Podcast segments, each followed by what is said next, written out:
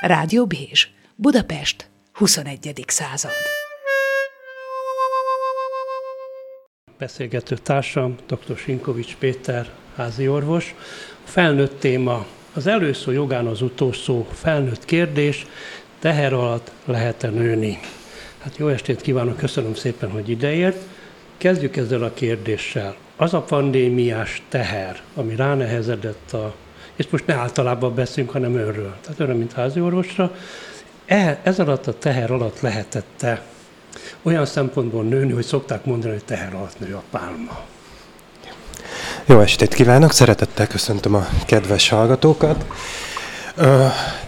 hát a kérdésre a rövid válaszom az igen, tehát azt gondolom, hogy igaz ez a mondás, hogy teher alatt nő a pálma, de ez nagyon sok erőfeszítést igényelt, nagyon sok koncentrációt igényelt, nagyon sok alkalmazkodó képességet igényelt, hogy ehhez az új helyzethez alkalmazkodjunk, és kihozzunk belőle esetleg többet is olyan értelemben, hogy valami akár jobb is lehet, mint a Covid helyzet előtt Mit, volt. lehet, mit lehetett kihozni? Mert hiszen ugye itt, itt valójában menet közben kellett alkalmazkodni, tanulni, fejlődni. Igen.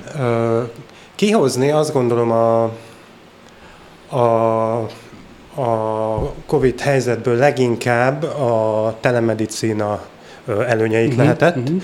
Tehát ezt nagyon volt alkalmunk most élesben begyakorolni, hogy milyen az a helyzet, mi az a betegség, mi az a szituáció, amit telefonon, online, fényképek segítségével, akár videóhívásban mégiscsak meg tudunk oldani, és nem igényel feltétlenül személyes jelenlétet. Azt gondolom, hogy erről eddig csak feltételezéseink voltak, és most ugyan kénytelenek voltunk, de kipróbálhattuk, és erre azt kell, hogy mondjam, hogy részben működött. Természetesen sok információt vesztünk ezeken az utakon, de még mindig ö, több, mint a semmi a háziorvosi úgynevezett telemedicina, tehát a telefondoktoros rendszer, és ebben lehet, hogy másfajta IT rendszer is beilleszkedhet, teljesen mindegy, hogy ez most telefonon, messenger vagy milyen felületen megy, de ez másabb volt, mert eddig nem volt benne a szokásos praxisban, mint mondjuk amit már elég sokan csinálunk és megsoktunk, akár hogy online is dolgozunk persze pszichoterápiás repertoárban, de egy házi orvosi repertoárban azért eddig szokatlan lehetett. Igen, ez teljesen szokatlan volt a házi orvosi repertoárban. Azt gondolom, a telefont azt leginkább arra használtuk, hogy időpontot adjunk a pácienseknek, és, és most egy kiemelt szerepe lett, de hogy egy más példát mondjak a telemedicinában, ra ö, abszolút megszokottá vált, hogy egy szemmel látható eltérésről készít egy fotót a beteg, mondjuk egy bőrgyógyászati eltérésről, vagy akár adott esetben a torkával uh-huh. bele fényképez, uh-huh. elküldi a háziorvosnak ezt a fotót, és uh-huh. már is ö, több információnk van, mint hogyha csak szóban mondaná hogy mi a problémája. Minden veszteségnek van ajándéka. Itt mi lehetett a veszteség, és mi lehetett ez a hozzáadott érték ajándék? A, a, lehet, hogy furcsán hangzik, de a, a, a legnagyobb ajándéka most szerintem így házi orvosi szempontból az, hogy azt gondolom, hogy megpróbáljuk minden erőnkkel megtartani a bejelentkezéses rendszert, ahelyett, mint hogy a betegek tömegesen a váró helyiségben üldögéljenek, összezárva adott esetben levegőtlen körülmények között lehetséges fertőzőbetegen. Ez azt hiszem, hogy a Covid helyzet elmúltával sem kívánjuk visszaállítani ezt az állapotot, mert ez senkinek nem volt jó mondjuk szociális szakterületen, szupervízióban gyakran tapasztalom, hogy menet közben derül ki, hogy maguk a szociális szférában dolgozók, ápolók, ö, idősekkel, alap vagy akár szakellátásban, és úgymond túlgondozás, ez ismert is a fo- túlgondozzák.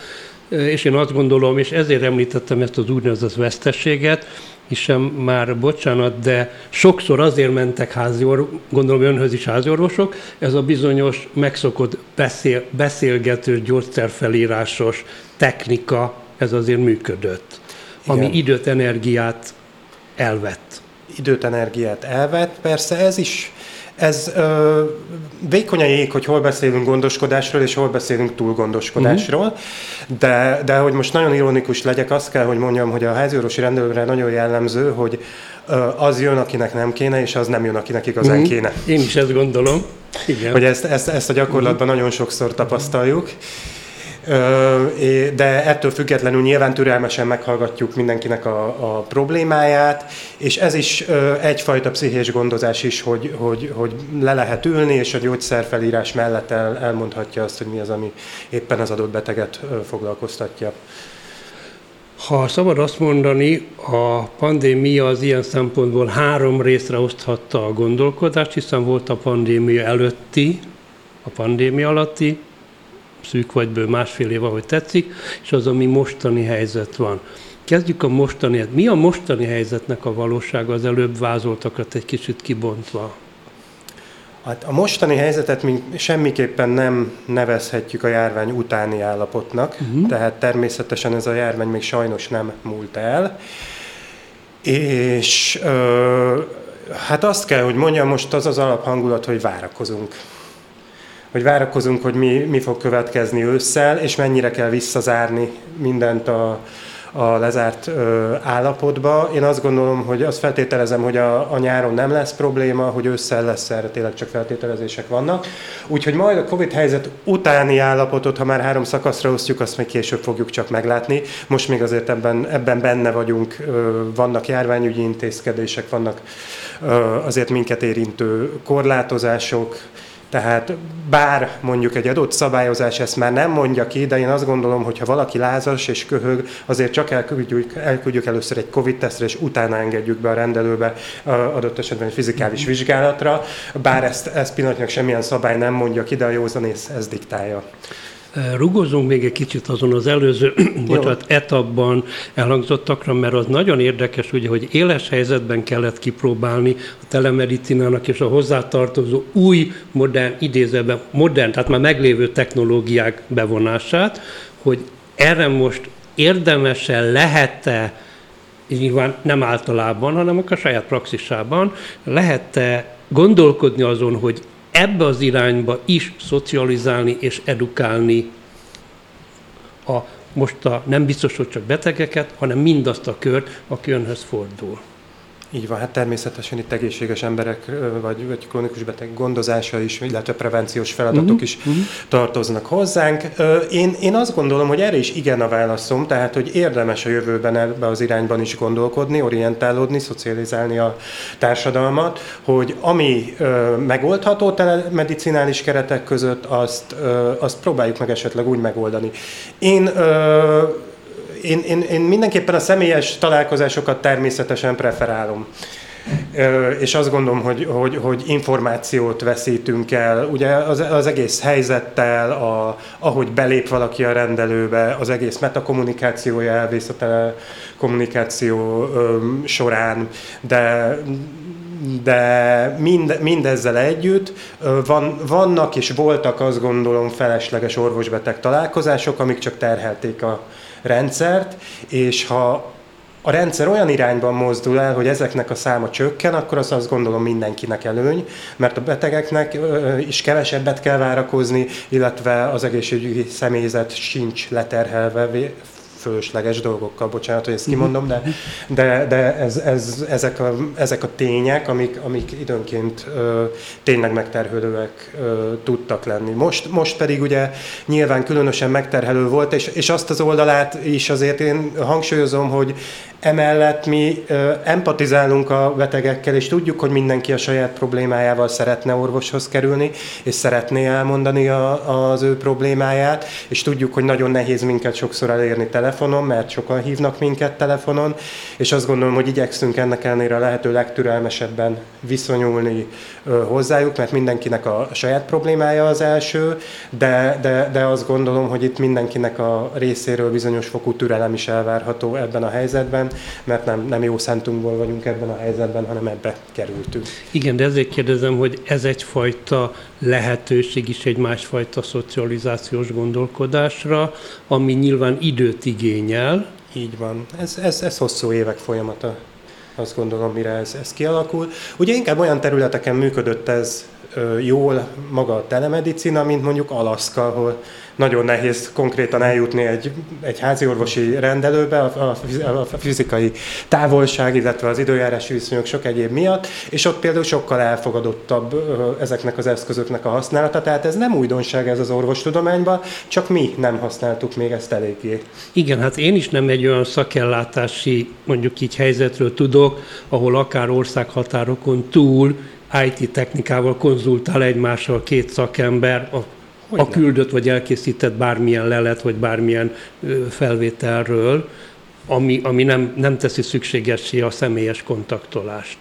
De, de hogy ez bizonyos helyzetekben, tehát már benne volt a szcénában, az a kérdés, hogy ez a, hogy ez a házi orvosi praxisba beépülhetően ez a és most nem csak a betegek, hanem az összes a házi orvoshoz forduló, hiszen az egy nagyon sokrétű kör, aki a házi orvoshoz fordul, nem tudom én, akár csak a jogosítvány hosszabb egészségügyi alkalma vizsgától kezdve a, az első terhes gondozás beutaló, szóval sok minden lehetséges.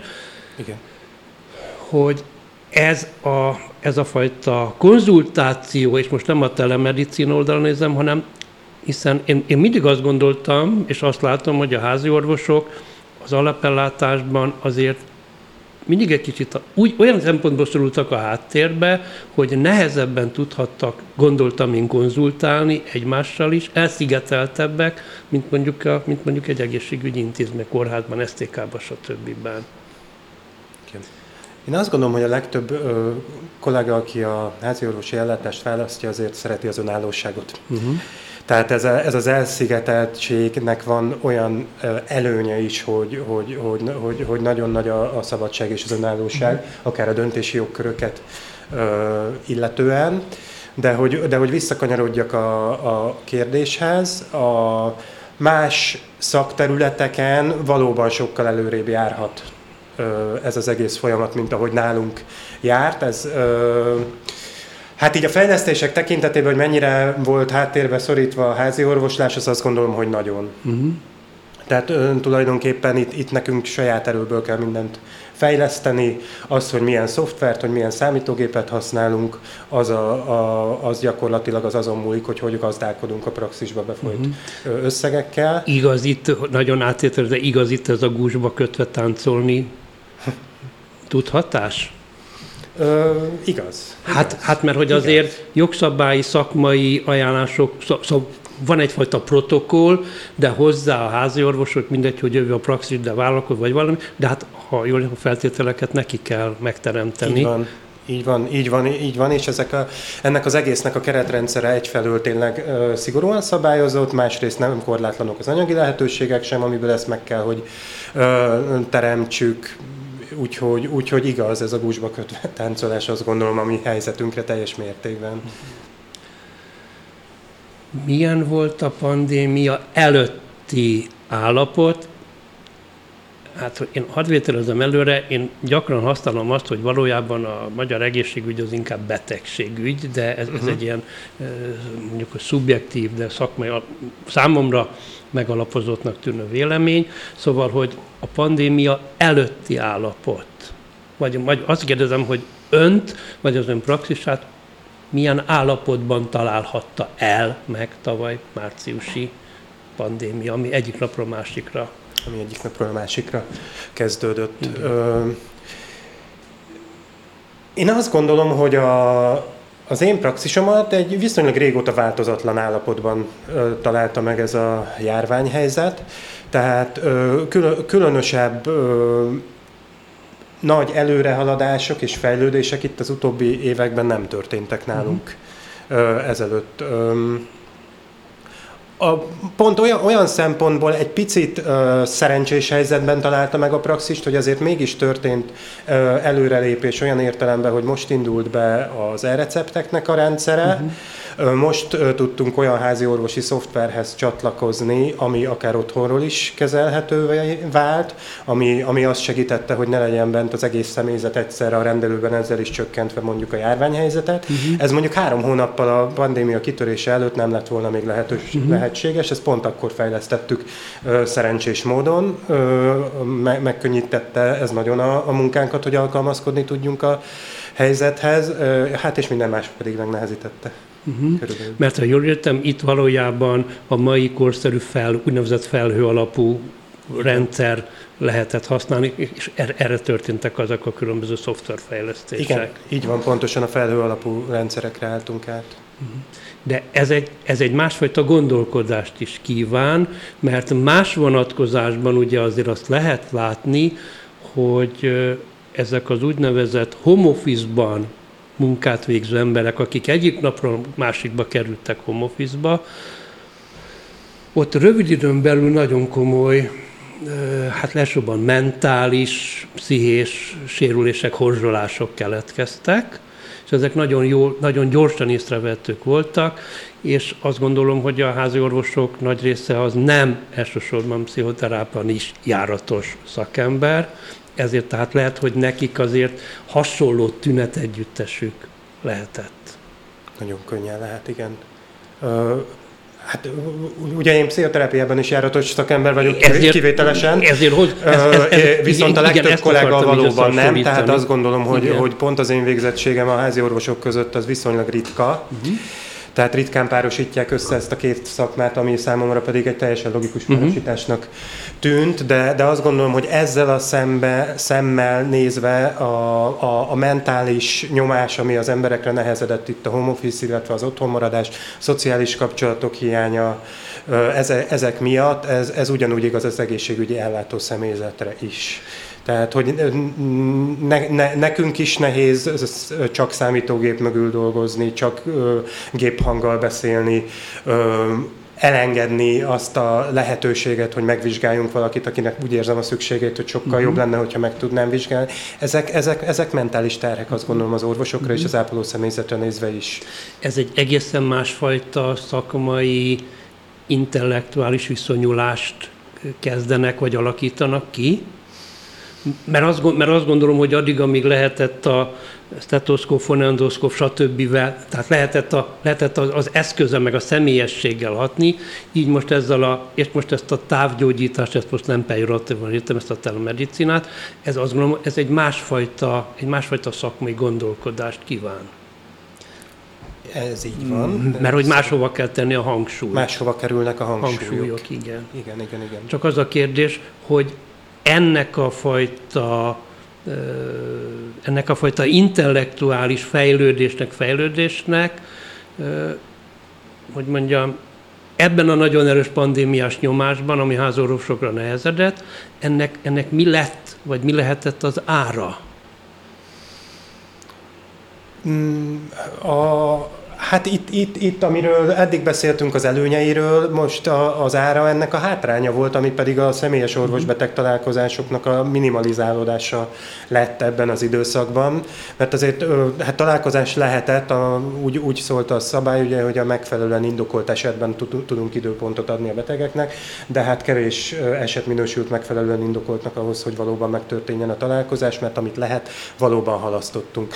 Feltételezem, hogy, hogy, hogy hogy, hogy tényleg csak azt halasztottuk, amit lehetett. Tehát én kiindulok abból, hogy ezt minden kollega jól tudta megítélni, hogy a halasztható dolgokat halasszuk valójában, de akár adott esetben itt tévedések is történhettek, és ha, ha valakinek ebből egészségkárosodása származott, akkor ez egy nagyon szomorú következménye ennek a, a járvány időszaknak. Sajnos feltételezem, hogy ez azért megtörténhetett itt-ott, hogy a, a krónikus betegek gondozása, a, a szakrendelésre beutalások elmaradtak, fontos vizsgálatok maradtak el, amik, amik nekünk szükségesek lettek volna, hogy jobban tudjunk dönteni gyógyszerelésekről, vagy, vagy más egyéb gyógykezelésekről. Műtétek sora került halasztásra, ami, ami, aminél, amik, amik indokolt műtétek lettek volna, és nyilván romlott az adott pácienseknek az állapota ezekben a hosszú hónapokban, amíg nem történtek meg ezek csak a tényleg akutan életmentő beavatkozások, úgyhogy ezek veszteségek. Meg hát arra gondoltam az előbb a fejtegetésben, hogy említette, hogy a házi orvosoknak azért van egy ilyen szabadság vágya, egy, Igen. egy, egy ilyen élménye, ugye? De hogy emellett azért a házi orvosnak ott van a, az a fajta lehetősége is pro és kontra, hogy vizsgál, felállít, hipotézis, diagnosztizál, meglátja, meghallja, megtapasztalja, átgondolja, és szóval mindez, ami eddig benne volt a repertoárban, az alapszcénában, az ugye most az elmítettek miatt mind kikerült, és ezzel mondom, hogy egy egészen másfajta agyi munka, egy másfajta intellektuális viszonyulás kellett, hiszen valami módon helyettesíteni kellett ezeket az eddig nevezük így kézzelfogható matériás vizsgálati elemeket. Igen, hát ö, sokkal nagyobb ö, jelentősége lett például az anamnézisnek, uh-huh. az mhm. explorációs kérdéseknek. Ö, azt gondolom, sokkal jobban meg is tanultunk ö, kérdezni ö, ezen keresztül, mert célra törően, ö, lehetőleg azért rövid idő alatt, mert mások is vártak a telefonra, a lehető legtöbb információt ki kellett nyernünk minden ö, szituációból, és ez megint egy más megközelítést igényelt, mint amikor ráérősen ö, látom, hogy pillanatnyilag nem ül kint más a váróban, akkor ráérünk beszélgetni, uh-huh. és, és, és szép lassan feltérképezni mindent. Hát itt most erre nem volt idő, tehát ez az időnyomás, ez folyamatosan ott volt rajtunk, hogy, hogy, hogy gyakorlatilag képtelenség a fontos tendőinknek a végére érni, úgyhogy azt gondolom, hogy itt egy ilyen egyfajta hatékonyabb kommunikációs módra is rákényszerített minket például ez a uh-huh. helyzet a szakellátásban, mindegy, hogy ez most kórház, vagy rendelőintézet, vagy minek nevezzük dolgozó ö, személyzet, jó részéről tudható, hogy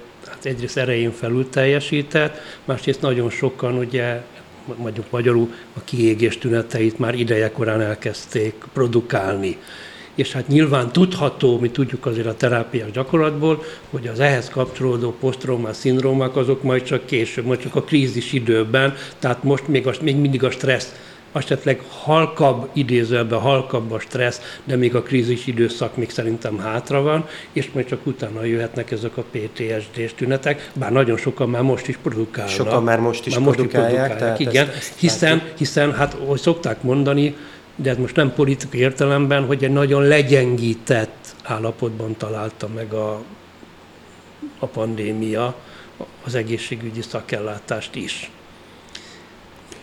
Azt gondolom, hogy az egészségügyi szakellátásnak a mentális karbantartása az egy méltatlanul elhanyagolt terület volt az országban, és pillanatnyilag is az maradt sajnos, úgyhogy ez mindenképpen fejlesztésekre szorulna, mert, mert szükség lesz rá.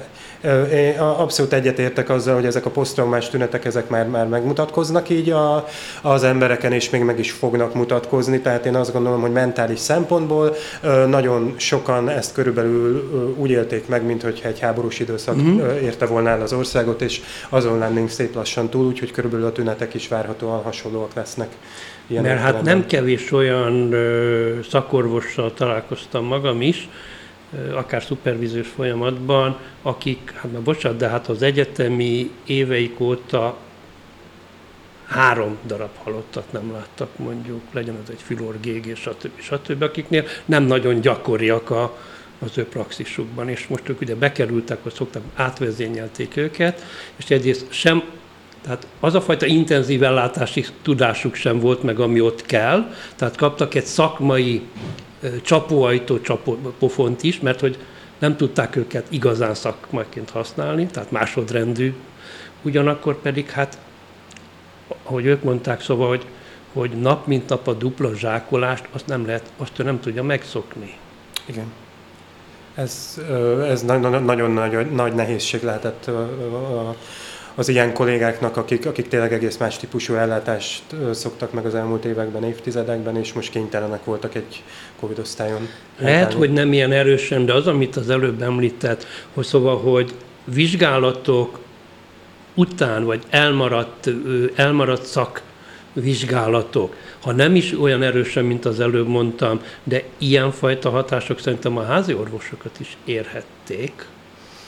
Úgy érti, hogy a mi ö, egészségügyi állapotunkat? Igen, igen, Hogy azt, azt gondolom, ez ugyanúgy megterheli a házi orvost, hogy tudja, hogy X-nek, Y-nak el kéne menni szűrésre, vizsgálatra, műtétre, stb. stb. De, de tudta, hogy tavaly március, nem tudom én, meddig elképzelhetetlen volt, hogy akár csak a szakorvosi rendelőig bejusson.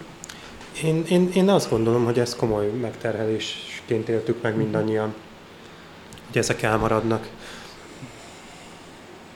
Az is tény, és ezt egészségügyi szervezetfejlesztők is mondják, hogy a személyes interjúkig, ha el is jutnak, a diagnózissal, ha szembesítik a csapatot, egy-egy egységet, akkor a csapat nagy része, és itt a rádióban is elmondták, akkor maga a csapat is azt mondja, hogy ez nem igaz, mi ilyet így nem mondhattunk.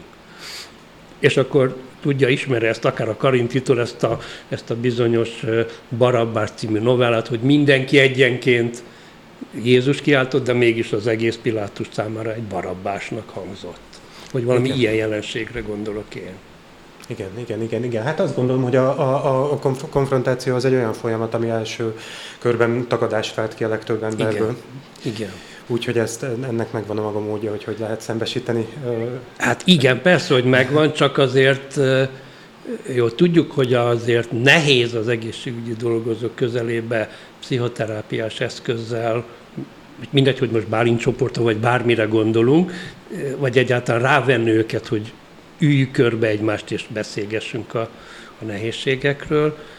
De ugyanez éppen most a másik oldalról említett a házi orvosok szabadságélménye mellett, ezt én azt gondolom, itt meg szintén lehet egy hatványozott veszteség, mert ők aztán végképp érezhetik magukat magára hagyatottnak.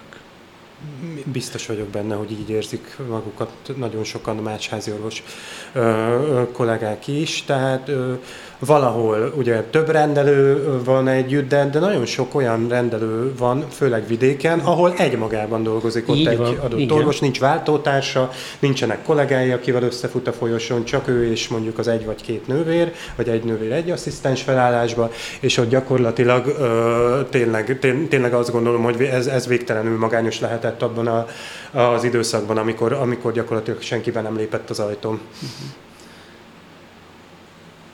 Most milyennek látja doktor úr a házi orvosi rendszert, mondjuk ilyen nagyképűen az egészségügyben, de nem ilyen politikai, még ilyen, hanem így teljesen kézzelfoghatóan. Tehát, hogy milyennek látható, mi az, ami látható, hol, hol van a horizontja. A, most, most, most egy átalakulás zajlik, uh-huh. tehát most ez a, a praxis közösségek ö, létrehozása az, ami ebben a pillanatban folyamatban van. Ezt, en- ennek még nem látjuk a végét, hogy úgy fogalmazzak, hogy ez most jó lesz nekünk, vagy nem lesz jó, ezt már körülbelül még ezt sem tudjuk belőle, hát legyünk optimisták és bízunk benne, hogy ez jó lesz nekünk, mert e- e- ebből, ebből kialakulhat egyfajta olyan közösségi munka, hogy, hogy, hogy mégiscsak nem csak a közvetlenül ö, mellettem, hanem a szomszéd utcában tartozó rendelő kollégáival is valamilyen fajta együttműködés van. Adott esetben például uniós forrásokból tudunk egy pszichológust vagy egy dietetikust alkalmazni heti néhány órában, ami, ami abszolút növelné az ellátásunk színvonalát. Úgyhogy, úgyhogy ez, ez az átalakulás, ami, ami most, most teljesen aktuálisan zajlik. Ez, ez, ez egy kicsit érdekes volt, hogy ez pont, pont a pandémia alatt ö, történtek meg az első lépések ebbe, ebben az ügyben, úgyhogy ez azt gondolom, hogy ez így sokkolt is ö, mindannyiunkat, hogy, hogy nem elég itt a vírus intézkedésekkel foglalkozni, most még új, újonnan keletkezett jogszabályokat is olvasgatunk, ami, amiknek meg is kell felelni, és gyakorlatilag a jövőnkről kell dönteni, hogy most ö, milyen mértékben veszünk részt ebben a folyamatban. Hát azt gondolom, hogy ez most egy izgalmas változás, és meglátjuk, hogy mi lesz. De ennek az aktualitásának van-e racionalitása? Azért kérdezem, mert azért lehet olvasni szakembereknek, és nem csak ilyen, eh, hogy mondjam, egyszerű hírportálokon, hanem tudományos eh, szinten is, hogy ez valójában, mintha ez két párhuzamosan futó ellátás lenne. A, nem biztos, hogy most jól értem a kérdést. Hogy Tehát az, az, ami most, vagy akár ami eddig is volt, hogy volt a házi orvosi ügyelet, vagy most lesz az a praxis közösség, és emellett ugyanúgy volt és létezett az úgynevezett, most nevezzük sürgősségi vagy bármilyen ellátás, ahol elmentek, és nagyon, rég, nagyon régóta úgyis úgynevezett triázs várja aki megfelelően osztályozza, rangsorolja betegeket, mert hogy azt szokták mondani, hogy, ezek, hogy, hogy ez egy párhuzamosság, de hogy lehet, lehet hogy nincs, nincs is ennyi jól kvalifikáló, vagy jól hadrafogható, szokták mondani szakember a rendszerben. Ö, jó, most már, most már világosan értem. Ez a párhuzamosság ez van Igen. a magyar egészségügyi rendszerben, és ö, azt gondolom, hogy ez egy hiba a rendszerben. Tehát, hogy lehet, hogy most nagyon sarkos leszek, de a házi orvosi ügyeleti rendszer az tulajdonképpen felesleges. Mm-hmm. Ezt, én is ezt, ezt, rá. ezt én így kimerem mondani. Kettőt köhintek, ha, és ha, akkor hívom az ügyeletet. Ha, ha a mentőszolgálat megfelelő mennyiségű anyagi forrást megkap arra, hogy fejlesz önmagát abba az irányba, hogy elég számú és elég szaktudású diszpécser üljön a vonalak mögött, aki fogadja ezeket a hívásokat, akkor azt gondolom, hogy el lehet, el, el fogják tudni jól dönteni azt, hogy ki ez, aki a sürgősségi ellátásra szorul valójában, és oda küldenek egy mentőt, és ki az, aki holnap nyugodtan meg tudja várni a házi orvosának a rendelését. Mm-hmm. És azt gondolom, hogy én ezzel, ezzel nem mondok semmi újat olyan értelemben, hogy Európa számos országában ez így működik. És maga, amit nálunk házi orvosi ügyeleti rendszer, ez egyszerűen nem létezik. Ez így, és nem rosszabb az egészségügyi állapota az embereknek, mint, mint nálunk. Tehát ez, ez, ez, ez sokszor tényleg így a Hát, hogy is mondjam, ez, ez egy nagyon érdekes kérdés. Itt, itt, itt, a, itt, itt azt gondolom, hogy itt nagyon, nagyon elment a, olyan, olyan irányba a dolog, hogy, hogy az emberek egy ilyen túlzott biztonságra törekednek ezzel kapcsolatban, és az első kis hőemelkedésre adott esetben éjszaka képesek elmenni a házőrvosi ügyeletre és megvizsgáltatni magukat, és, és sajnálom, hogy ezt kell mondjam, de te teljesen feleslegesen, mm-hmm. teljesen feleslegesen, mert, mert lehet bevenni egy lázcsillapítót otthon, ráér holnap a házi orvosi rendelőbe elmenni, viszont, viszont ez, ez, egy, ez, egy, ez egy nagyon nagy mértékű edukációs feladat is a társadalom kérdezni, irányába, azt gondolom, amit már, már, már valamikor az általános iskola eleje felé el kéne uh-huh. kezdeni, akár valamilyen egészségtan, tantárgy, vagy valami ilyesmi oktatása szerintem nagyon hasznos volna, hogy, hogy legyen egy olyan mértékű alapműveltsége az embereknek a saját egészségi állapotukról, hogy sokkal jobban és célzottan tudjanak saját maguk is orvoshoz fordulni.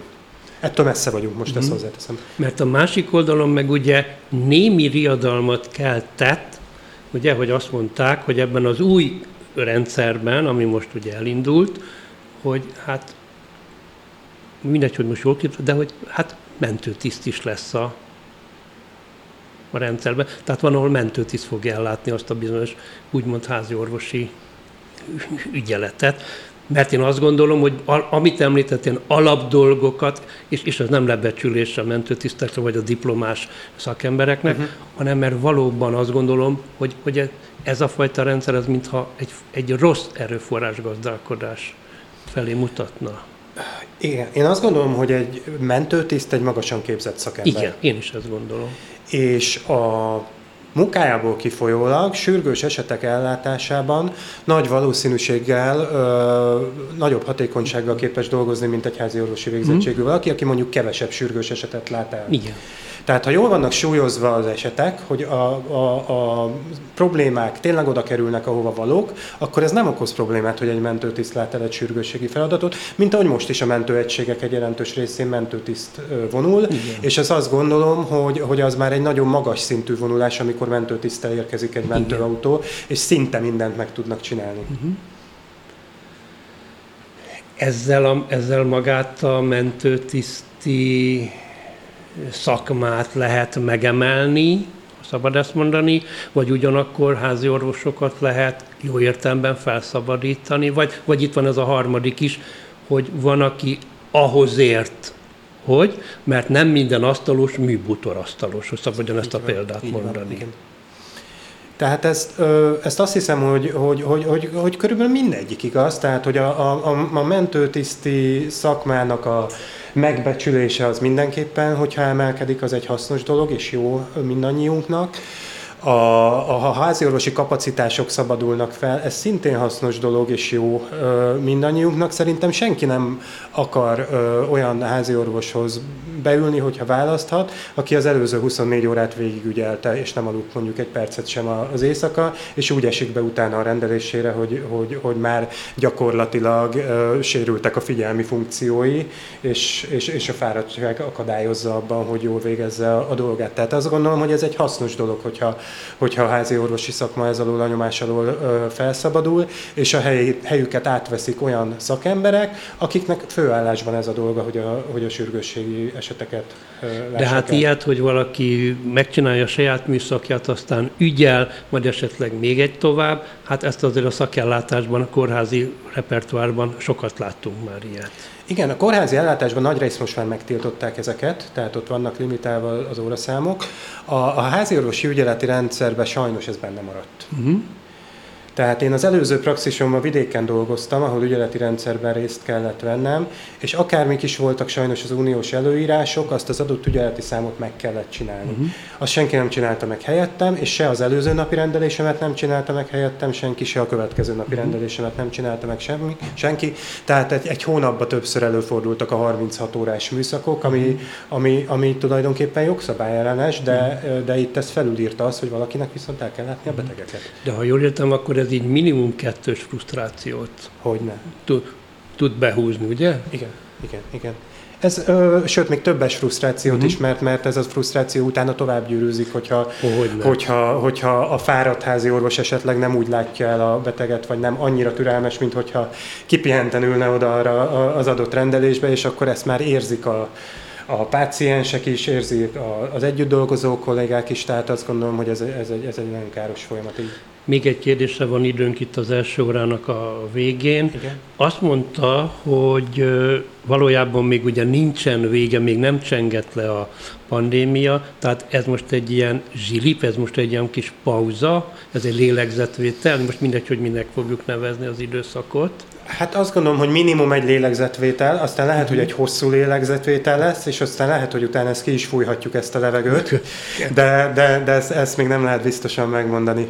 Uh-huh.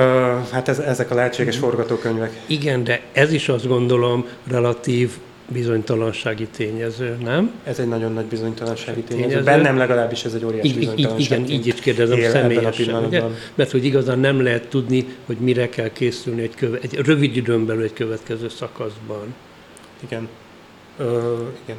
Tehát, hogy csak egy példát mondjak erre, például az én fejemben az van, hogy ha ö, újra rosszabbodna őszre a dolog, akkor a minimum, amivel újra ö, vagy fejlesztjük a rendelő felszereltségét, az egy videókapu telefon lesz, uh-huh és akkor mentesítjük a, a nővéreket a felesleges szaladgálástól, uh-huh, ami most az idejük egyharmadát igen, elvitte, amíg igen. zárva voltak az ajtók, és a, akár az orvos adott esetben rögtön az ajtóban lévő valakivel tud konzultálni arról, hogy most az ő problémája valóban sürgőse, és ha igen, beengedjük és ellátjuk és feltesszük az EKG-t, és bekötjük az infúziót, és hívjuk a mentőt, hogyha uh-huh. szükséges, vagy ha nem, akkor adunk egy időpontot, és akkor visszarendeljük a későbbiekbe. Ez csak egy példa volt, hogy mondjuk egy, egy ilyen videókapu rendszer, azt gondolom, hogy sokat segítene az adott uh-huh. helyzeten, ha újra be kell zárni a rendelő ajtaját.